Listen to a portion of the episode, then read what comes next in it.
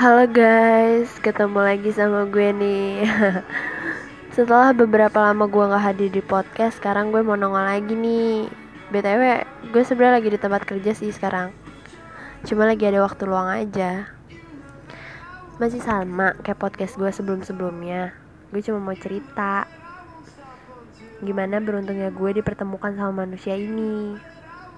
Oh ya, podcast kali ini masih berhubungan ya sama podcast sebelumnya tapi kan ya di podcast kemarin gue bilang kalau gue belum ketemu nih sama manusia ini. Tapi saat ini di saat gue bikin podcast ini gue udah ketemu sama manusia ini. Lo tau gak pertemuan pertama gue langsung diajak ke rumahnya dan ketemu sama orang tuanya tau gak gila ya. Keluarganya bener-bener welcome banget sama gue baik banget dan bahkan gue udah sedikit-sedikit ya sedikit cerita-cerita lah sama nyokapnya. Dan lo pasti tahu ya anak perempuan itu pasti lebih dekat sama uh, sosok ibu. Dan makanya gue langsung bisa klop sama nyokapnya. Ya karena mungkin sama-sama perempuan gitu gak sih? Nyokapnya tuh minta gue untuk ikut ke pertemuan keluarga besarnya yang dilaksanain beberapa bulan lagi. Gila gak sih baru ketemu baru ngeliat terus langsung minta untuk yaudah yuk ikut aja nanti kalau ada uh, kumpul-kumpul keluarga. Anjay. Gue diem dong. Terus uh, manusia ini ngomong sama gue gini nanti gue kenalin ya ke keluarga besar gue. Karena itu salah satu bukti kalau gue udah gak mau main-main lagi. Anjay gila sih ah pertemuan pertama aja udah bikin gue bener-bener speechless kehabisan kata. Gue nggak tahu harus ngomong apa gue nggak tahu harus jawab apa. Nggak ada kata. Yang bisa ngejelasin tuh gimana bahagianya gue saat ini bahkan sampai sekarang. Kalau kalian nanya ya ada perubahan gak sih setelah ketemu? Jawabannya ada.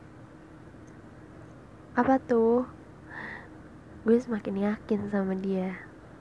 Yakin sama keputusan yang udah Allah kasih buat gue.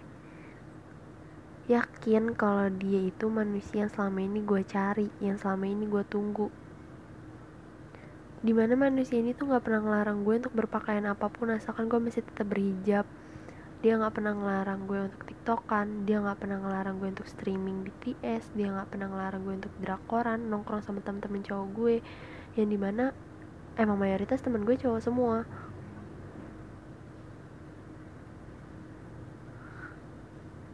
Dia nggak pernah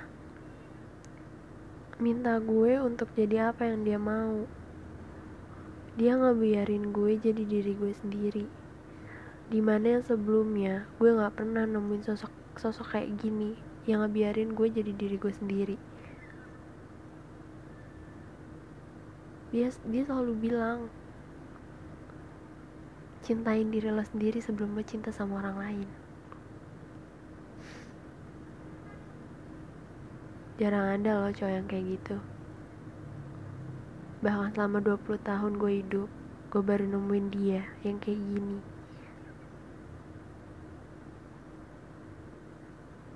Sebelum sebelumnya gue bener-bener patah gue bener-bener hancur.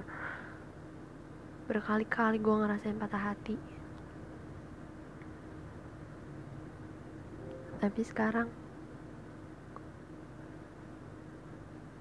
bahagia yang gak berhenti berhenti dari pertama gue kenal sama dia sampai detik ini.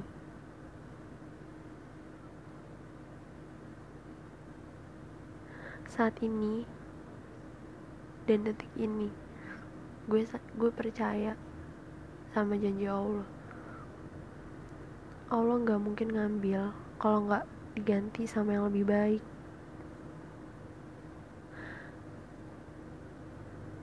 Kalau hari ini dunia percintaan lo nyakitin lo ngerasa patah hati yang terus-terusan jangan pernah capek untuk jalan dan hadepin.